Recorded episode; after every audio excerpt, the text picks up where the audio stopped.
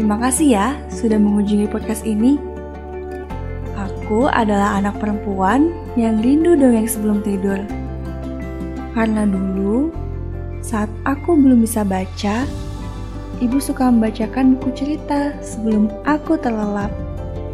Sekarang aku sudah dewasa, dan aku yakin kamu juga bukan anak kecil lagi.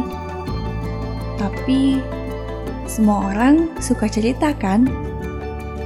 Aku ingin bacakan cerita-cerita kesukaanku untukmu, teruntuk kamu yang suka mendengarkan.